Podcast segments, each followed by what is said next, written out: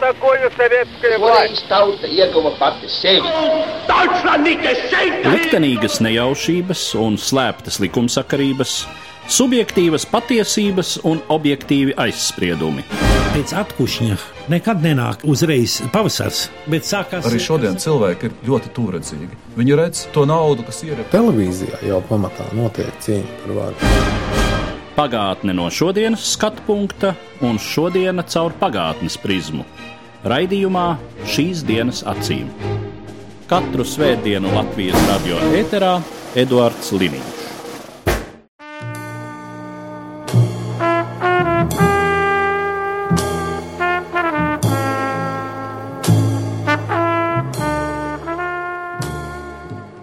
Labdien, cienījamie klausītāji! Filma Četri balti krekli, jeb elpojiet dziļi, kuras titros redzams gada skaitlis 1967. Tātad kopš šīs filmas radīšanas šogad paiet 50 gadi. Manas sarunbiedras studijā šodien ir teātris zinātniece Ieva Struka, labdien! Labdien! Un kinozinātnieces Dita Rietuma, Labdien! Un Kristīna Matīsa. Labdien! Tātad, runājot par Rolanda Kalniņa filmu Četri balti krekli, tā ir viena no tām lentēm, ko mēs saucam par plaukta filmām. Un um, droši vien ar to arī vajadzētu sākt mūsu stāstījumu, kāda bija šīs filmas tapšana un kas bija par iemeslu tam, ka tā nenonāca plašā kino nomas apritē. Toreiz to tā slāviskā kalkētā žargonismā sauc par prokātu. Ko man vienmēr dators laboja uz brokātu, kad es rakstīju grāmatu par vecajām filmām. Jā, vispirms varbūt par to, kā tad radās šīs filmas iecerē, kā notika tas sagatavošanās process. No Ingas pērkones un autora kolektīva grāmatas inscenējuma realitāte. Tur Inga ir atsevišķa sadaļa ar apakšvirsrakstu cenzūra. Bet šim vārdam cenzūra ir pielikt galā jautājuma zīme, jo patiesībā tādā oficiālā un formālā nozīmē Atšķirībā no veciem ceru laikiem, par ko bija vecais cenzors stāsts un tam līdzīgi, Padomju Savienībā nebija nekādas cenzūras. Un patiesībā man patīk tā doma, ka jēdziens plaukta filma radies tāpēc, ka Padomju Savienībā pārmērīgi daudz rēķinājās ar autora iegribām, tā sauktajām. Jo līdz kaut kādai filmas aizliekšanai vai nolikšanai plauktā nonāk tādā gadījumā, ja autors nepiekrīt izdarīt izmaiņas, kuras viņam nepārtraukti pieprasa dažādas instances. Un ir filmas, kurās tās izmaiņas ir nesāpīgas, mazas, un neviens to nepamana, bet ir filmas, kurām iet ar vien grūtāk, ar vien smagāk, un četri balti krekli ir šis spilgtais gadījums. Inga Pērkona ir arī skaisti izpētījusi, salikusi blakus teksts no filmas, kur ir jaunatnes estētiskās audzināšanas komisijas sēde, kurā apspriež konkrētās Cēzara Kalniņa dziesmas, un blakus mākslas padomas protokols, kurā apspriež šo gatavo filmu Četri balti krekli. Idejas un domas tur ir pilnīgi līdzīgas, un tas fināls ir tāds, ka pēc tām daudzajām izmaiņām, ko pieprasa Rolandam Kalniņam, Rolands Kalniņš finālā saka, grupa ir pateikusi gribēto, Tātad, filmu veidojot, pieprasītos labojumus nedarīšu, jo uzskatu, ka tie nav vajadzīgi. Ja padomu uzskata, ka labojumi nepieciešami, lai to dara kāds cits. Un filmā izskrien traumaks no sēdes un kliedz puikas Sondora savu panākusi. Vienu dziesmu izsvītroja, citām dziesmām jāizdara labojumi, ko jūlis aizskrēja no sēdes. Un sakot, pilnīgi paralēla situācija, bet šī filma kļūst par plauktu filmu tikai tāpēc, ka Rolands Kalniņš paliek pie saviem principiem. Jo, kā rakstīja, piemēram, Holivudā, ja kāds režisors sāk kaut ko protestēt pret producenta nospraustām vadlīnijām, pilnīgi bez jautājumiem nomaina režisoru un, un vālē tālāk. Bet Rīgas kinostudijā tas nebija tik vienkārši. Un šī plaukta filma, arī šī filma nav aizliegta. Jo aizliegt filmu pirmkārt būtu skandāls, un tas nevienam nav vajadzīgs. Viss notiek klusiņām, zem paklāja un vienkārši noklusējot šīs filmas. Un plaukt filmu nozīmē to, ka gan šajā gadījumā, gan Rolanda Kalniņa otra traģiskā filma ar toreizējo nosaukumu, es visu atceros Richard, viņas vienkārši tiek oficiāli pieņemtas, lai nebūtu problēmas kinostudijas plānam, ka nav kaut kas izpildīts, izdarīts un būtu norakstāms zaudējumos, bet viņas vienkārši tiek noklusētas tādā veidā, ka viņām uztais ļoti mazu kopiju skaitu, un viņas parāda kaut kādos mazos um, nomalas kinoteātrīšos, rīta seansos, kur normāls cilvēks viņus vispār nevar noskatīties. Formāli filma ir parādīta un tad noliek plauktā. Jā, un gadījums, kad uh, filmas ražošana tiek apturēta procesa vidū, Tās Tā ir tās radikālās situācijas, bet Jā. tādu arī Rīgas kinostīs vēsturē ir ļoti maz. Pieejams klimats ir gandrīz vai vienīgais spilgtākais gadījums, kad no tā administratīvā viedokļa tik daudz naudas iztērēts veltīgi, kad atļaujās to atzīt priekšniecību. Nu jā, te ir arī tā padomju nomenklatūras situācija, kad ļoti riskanti bija kaut ko atzīt kā pilnīgi Jā, zaudējumos tas nozīmē, ka, norakstām. ka iepriekšējie visi caurskatītāji, kontrolētāji nav bijuši uzdevuma augstumos, un to jau arī neviens neatzīs. Nu jā, un droši vien uzreiz jāsaka, ka šie radošie cilvēki jau tobrīd, 60. gadu beigās, bija gana trenēti visās šais saspēlēs ar nomenklatūru. Un sistēmā saistījās- daudz vairāk bija pašcensūras nekā tādas oficiālas cenzūras no malas. Un es domāju, pašcensūras kontekstā ir problēma un ārkārtīgi bēdīgais nospiedums, ko atstāja uz latviešu kino vispār šī piejūras klimata aizliekšana. Jo tas nozīmē, ka visi pārējie kolēģi momentā ieslēdza sarkano lampiņu un maksimāli pašcensūru jebkurā savā idejā, jo viņi redzēja, ka Rolandam tas neizgāja cauri. Tātad, ko tur vairs Spožu stāka zīvi, zelta zvīņa slava, tā kā zvaigzne krīt un dziesma.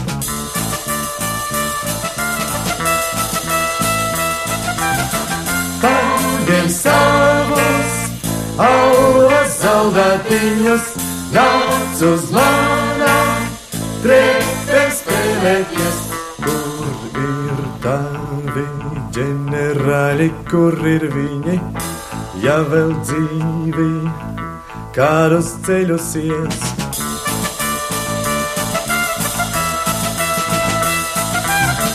Paņem savus, aulas soldātiņus, nāc uz manām,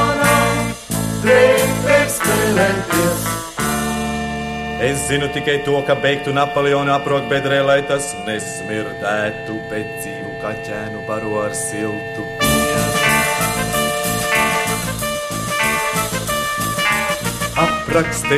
Apraks mani, kaķēniņi tā kā cilvēku bērni, pienu padzersies.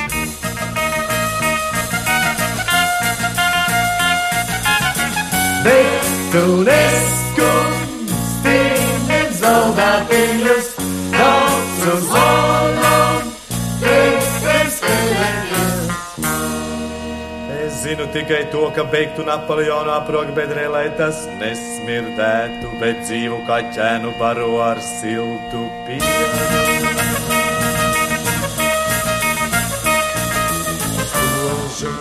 Tā kā zīvi, zelta zviņa slava, tā kā zvaigzne krīt un dziest. Paņem savus alvas zaldātiņus, nāc uz manām trepēm spēlēties.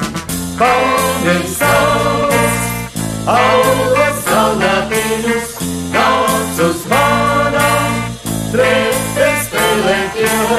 Tikai neskum, paņem zaldātiņus, nāc uz manām trepēm spēlēties.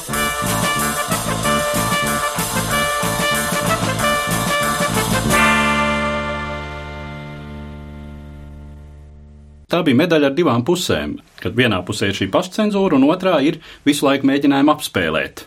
Jā, kas ārkārtīgi trenē ezopa valodu un visas citas jā. prasmes. Rakstīšana starp rindām, rādīšana starp rindām un tā tālāk. Starp citu, tāds meistars šai ziņā jau bija arī filmas literārā pirmmateriāla autors Gunārs Priede. Man liekas, viens no spilgtākajiem gadījumiem, kad visa mūža garumā, teju līdz pat atmodas laikam, ir spēlītas ar varu. Par to, kas izies cauri, kas neizies cauri. Jā, varbūt jau par to, kas tad ir filmas literārais pirmavots un kāda tam ir vieta priedes daļradē. Filmas literārais pirmavots ir Gunāra Priedes Luga 13. Bet runājot par visām šīm peripētijām, kas saistās ar filmu, tad pašķirstot Priedes dienas grāmatas. Man liekas, ka tas konteksts veidojās mazliet plašāk. Ne tikai to, kas notiek Rīgas kinostudijā un Rīgas kinostudijas attiecībās ar Maskavu, bet arī kas notiek teātrī, ar uh, priedes lugām un kas principā notiek teātrī. Un mēs tie 60. gadu vidus, 65. 67. gads, arī ir tāds uh, ļoti sarežģīts posms dažādos aspektos. Nu, teiksim, Nestiekot tagad literatūru, jo tā ir vēl atsevišķa saruna. Tas pats priede īsi pirms lugas sākšanas dienas grāmatā fiksē, ka Spriežot pēc mēdījiem, pēc preses, notiek staļinisma restaurācija. Tiek atkal jau kultivēta doma par to, ka 37. gadā notikušais tas ir labi, ka 20. kongress tas ir bijis veltīgi, un, respektīvi, man liekas, tā brīvības elpa, kur vienu brīdi bija iespējama, kas arī faktiski ļāva dzimt idejām par šādām lugām vai šādām filmām, tā cilpa pa tiem cilvēkiem savākas ciešāk, un līdz ar to man liekas, ka filmas nokšanai plauktā ir tādas lavīnas sekas un tā lavīna vienkārši ir mazliet neparedzējama. Tad brīdī, kad tu, teiksim, sāc iziet varbūt uz kaut kādu vienu kompromisu, vai arī tieši otrādi atteikties no kaut kā, tu nezini, kādas sekas tas izraisīs tālāk. Jo teiksim, cenzētā veidā ir iestudēta viņa iepriekšējā luga Tavalabā slava. Uz to viņš ir neapmierināts, bet parakstījies, lai tas iestudējums taptu, jo tas notiek jau iestudējuma tapšanas procesā. Luga 13. viņam pašam ir vairāk, manuprāt, estētiska rakstura meklējums, jo viņš no tādām polifoniskām, daudz slāņu un daudz pakāpju liela mēroga lugām mēģina aiziet jaunā attīstības pakāpes līmenī un uzrakstīt kameru lugu, jo tā ir luga tātad trīs cilvēkiem un sākotnējā iecerē ir doma, mazliet līdzīga kā, teiksim, Šniclera rondo, ka vispār luga sastāv tikai no dialogiem. Ir viens dialogs, kur nomaina atkal nākamais dialogs. Un visu laiku mainās darbības personas. Teiksim, Bela runā ar Cēzaru, Cēzars runā ar Anitu Sondoru, Anita Sondoru runā ar Bellu un tā tālāk. Un no šīs ieceres lugas rakstīšanas laikā tā transformējas, un manuprāt, tā luga ir ļoti kompakta, bet tomēr trīs cilvēku lugu, kur tā sākotnējā doma par dialogiem ir mazliet pakāpsies malā. Paralēli tam, protams, Lūgas centrālā tēma, kas arī acīm redzami uzrunā režisorus, un joprojām patiesībā šī luga ir kaut kādā ziņā apritē un režisoru portfelī, ir tēma par attiecībām ar kritiku un kā nošķirt pa īstam jauno no tomēr pseido jaunā. Un, man liekas, šīs divas tēmas ir ļoti svarīgas, interesantas, aktuāls un arī riskantas. Jo, protams, pagriežot to skatu punktu kā ērtāk vai kā vajadzīgāk, mēs redzam, ka mākslinieka lielākais biedrs tomēr ir birokrātiskā sistēma, kura neiedziļinās, bet mēģina ielikt tapušo mākslas darbu rāmī. Bet es domāju, ka tur ir interesanti arī otra lieta, kurā brīdī mākslinieka ego un mākslinieka pašapziņa nespēja arī paškritiski novērtēt pašradīto. Un ka šīs abas lietas ir interesantas un nemainīgi aktuālas. Tur arī Cēzars visu laiku uztraucās par to. Es jau tāds vienkāršs telefona montieris, varbūt tas nemaz nav labi, ko es daru, un ka tas ir tāds risks. Filmā tāds... viņš uztraucas, jā, lugā viņš vēl nemaz tā neuztraucas. nu, un arī filmā tā uztraukšanās, manā uztverē drīzāk tā ir tāda nostāšanās pozā tajā brīdī, kad tevi sāk aiztikt. Nu, jā, kaut kāda pašaizsardzība. Jā, nu, nepatīk, kā es dzēju rakstu mūziku, jā. tad iešu atkal montēt telefons. Jā. Bet man liekas, ka ļoti svarīgi pateikt, ka šī ir viena no retajām lugām, kas top tiešām domājot par trīs konkrētiem aktieriem. Un mm. proti Dinu Kupli, kā Anita Sondora, tas ir rakstīts speciāli viņai, mhm. Prūdi Pūcīti, jo Cēzars Kalniņš ir rakstīts tieši viņam, un Bēlas loma ir rakstīta Ausmai Kantānei. Tas, ka vēlāk tur notiek izmaiņas, tas ir cits mm. jautājums. Tomēr ir ļoti konkrēti trīs aktieri, trīs draugi un tuvākie domu biedri tobrīd Gunāram Priedam. Jā, atmiņa man nebija runājot par latviešu dramaturgijas vēsturi, tad eh, šī kamera forma jau tam laikam arī ir visai novatoriska. To ir kopis eh, Mārtiņš Zīverts savā laikā, bet Mārtiņš Zīverts tajā laikā darbojas trimdā, un šeit viņa darbi nonāk tikai. Tad es pievēršu uzmanību tam estētiskajam aspektam, ka tiešām tas arī ir jauna ceļa meklējuma, bet, protams, paskatoties atpakaļ uz viņa lugām, tā ir pirmā, kur tā vēlme kļūt aizvien lakoniskākam un izvēlēties visminimālāko vārdu daudzumu, lai pateiktu to savu domu. Un var vēl piebilst, ka, protams, Gunārs Priede tajā brīdī, žargonā sakot, ir topā.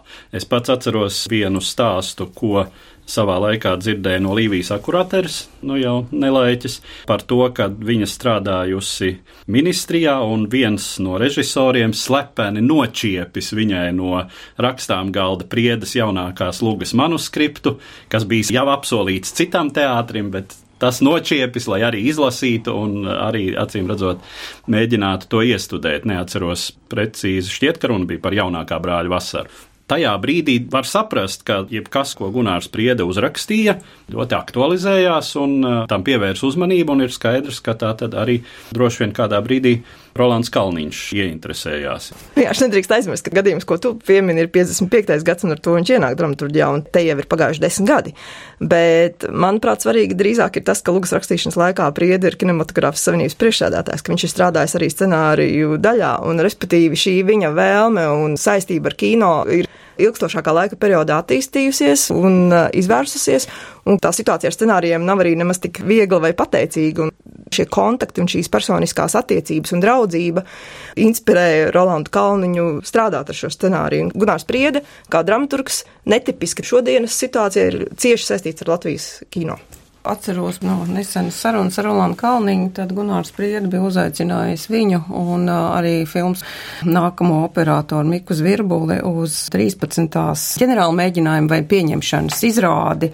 Un šajā brīdī jau arī ir bijis impulss Rolandam Kalniņam teikt, ka jā, viņš grib šo lugu redzēt filmas formātā. Un vēl, protams, ir jāpiemina, kā pēc visas tās garās un smagnējās filmas tapšanas gaids ar neskaitāmiem labojumiem, Rolanda Kalniņa un Gunāra Priedes attiecības nebija ideālas. Šīs attiecības bija sliktas. Gunārs Priede aktīvi nepieņēma Kalniņa interpretāciju. Tur ir dažādi iespējami izskaidrojumi, kāpēc. Es esmu izdomājis domājusi, ka tas ir tas Rolanda Kalniņa apzinātais ceļš tādā vēstījuma retinājumu virzienā, uzsverot filmā pilnīgi citas kategorijas. Tā ir mūzika, tā ir mārča aklā dzēja, tas ir kaut kas cits nekā tikai priedes dramaturģija, kas, acīm redzot, kādreiz pašā sākumā ir bijusi iecerēta kā ļoti kompakta un ļoti fokusēta, un tas, ko ir darījis Kalniņš, viņš to ir visu maksimāli retinājis, un savā ziņā tā ir tāda ļoti aktuāla pieeja 60. gadu pasaules kino kontekstos, ja mēs runājam par jaunajiem viļņiem, kas bija Francijā, kas bija tai pašā toreizējā Čehslovākijā. Tas bija ļoti moderni šos stāstus veidot brīvus, nesasiet kaut kādus dramaturģiskos galus un brīvi pludot arī montāžā, laužot varbūt pat telpas loģiku un cēloņu sakarības. Un šī ļoti talantīgā kinematogrāfiskā valoda, kas ļauj mums par šo filmu runāt kā par īpašu notikumu visā Latvijas kino vēsturē, tas acīm redzot tas ir mans skaidrojums, ir tas, kāpēc Gunārs Priedi šo filmu nav pieņēmis līdz pat savam mūža galam, bet arī atsaucoties uz ļoti nesenu sarunu ar Rolandu Kalniņu. Kalniņa kungs stāstīja, ka tad, kad viņam ir bijuši 75 gadu jubileja, kas arī ir svinēta Splendid palasā, ir atnācis Gunārs Priedi, noskatījies vēlreiz četrus baltus kreklus, un uh, starp viņiem abiem noticis kaut kāds iekšējs izlīgums, jo Priedi esot teicis, nu jā, šī ir filma, pie kuras man bija ilgi jāpierod.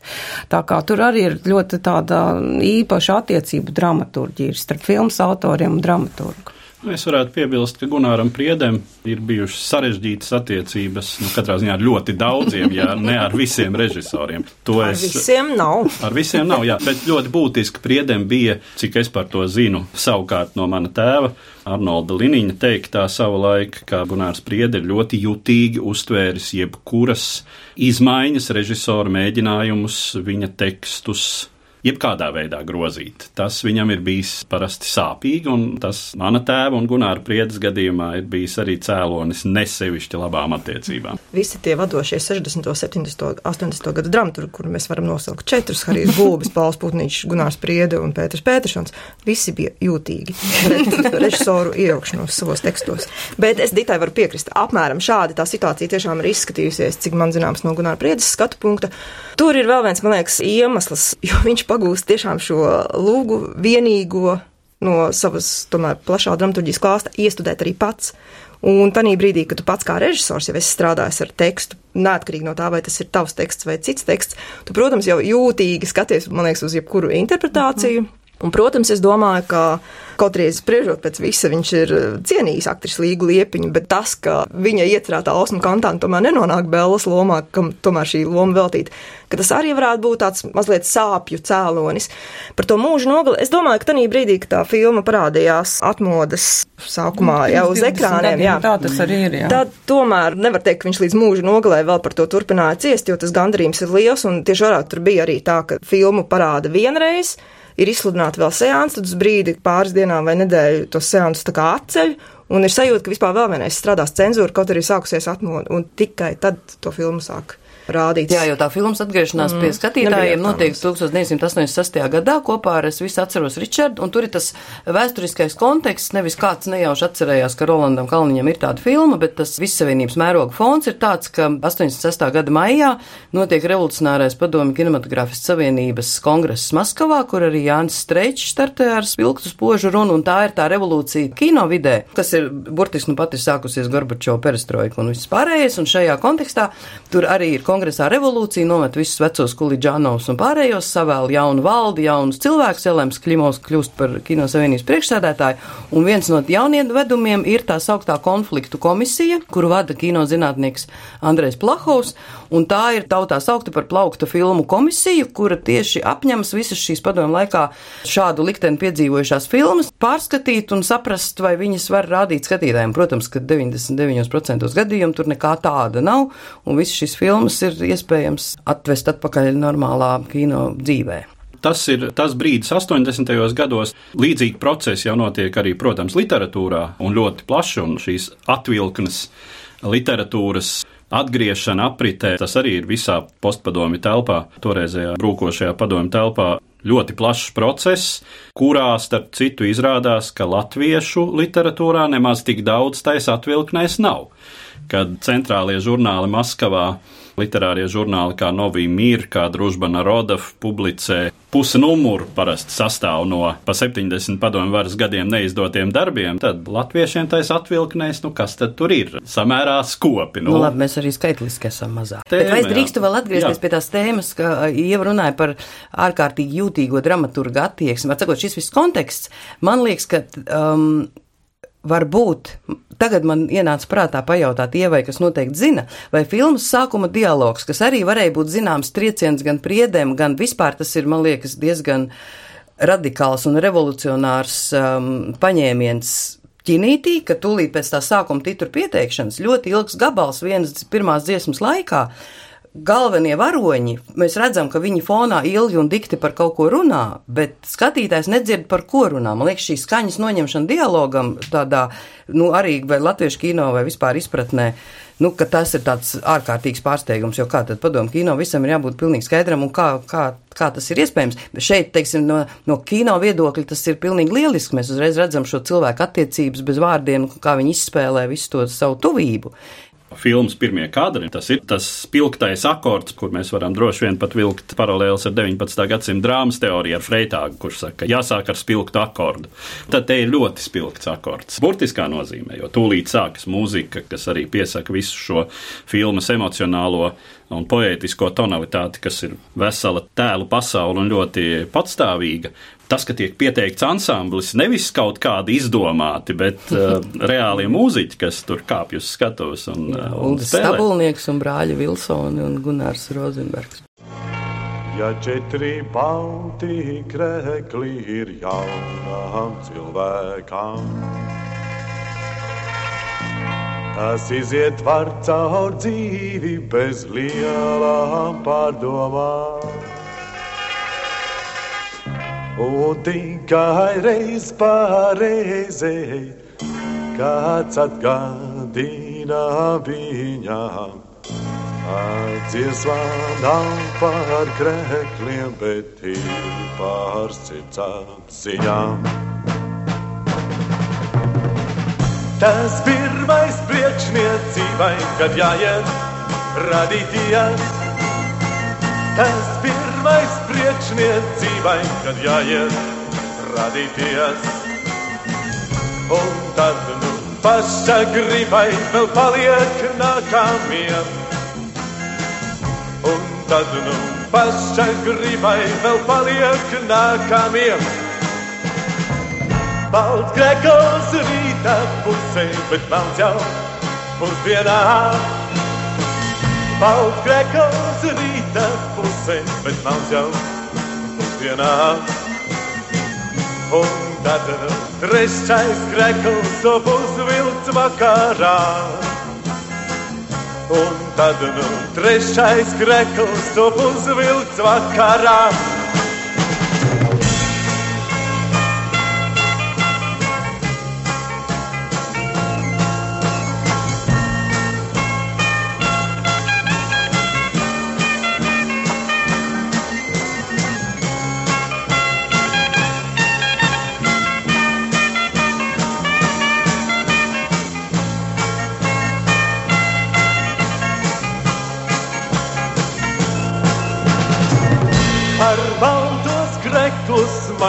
Kā maina uzskatus.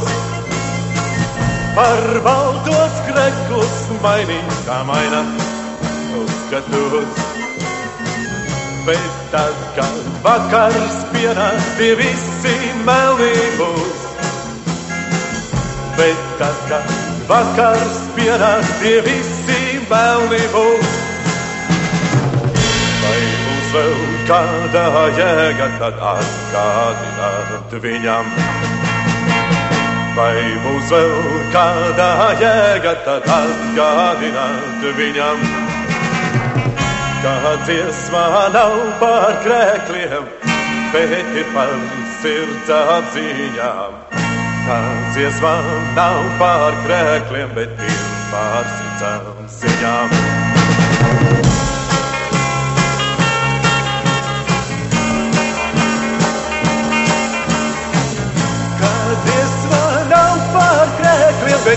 Par sirds apziņām.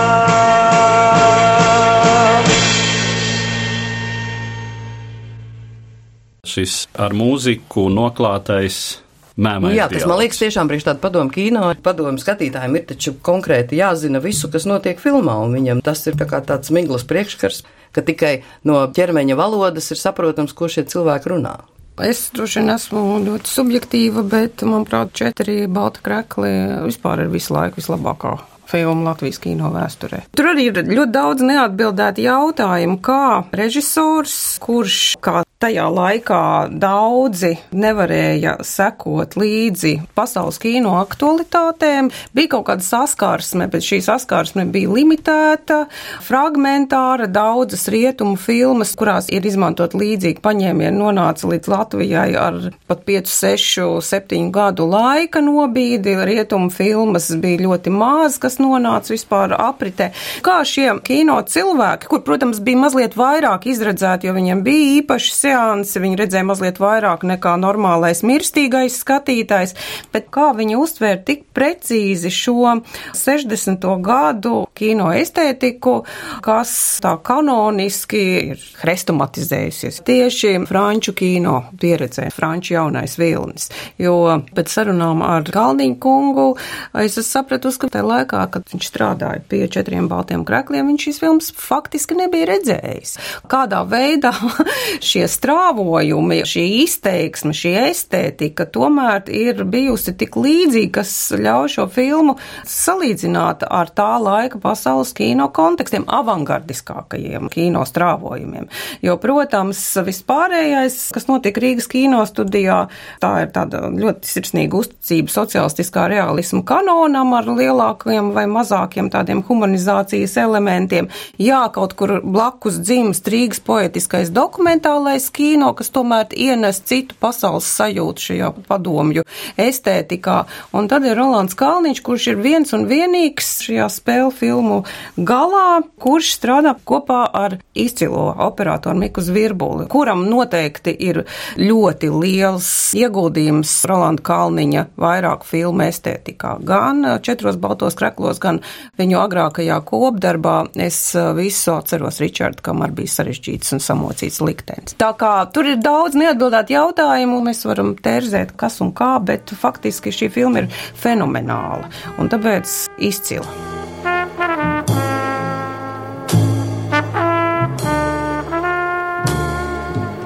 Līdz ar to izskan pirmā puse no sarunas, kas veltīta 1967.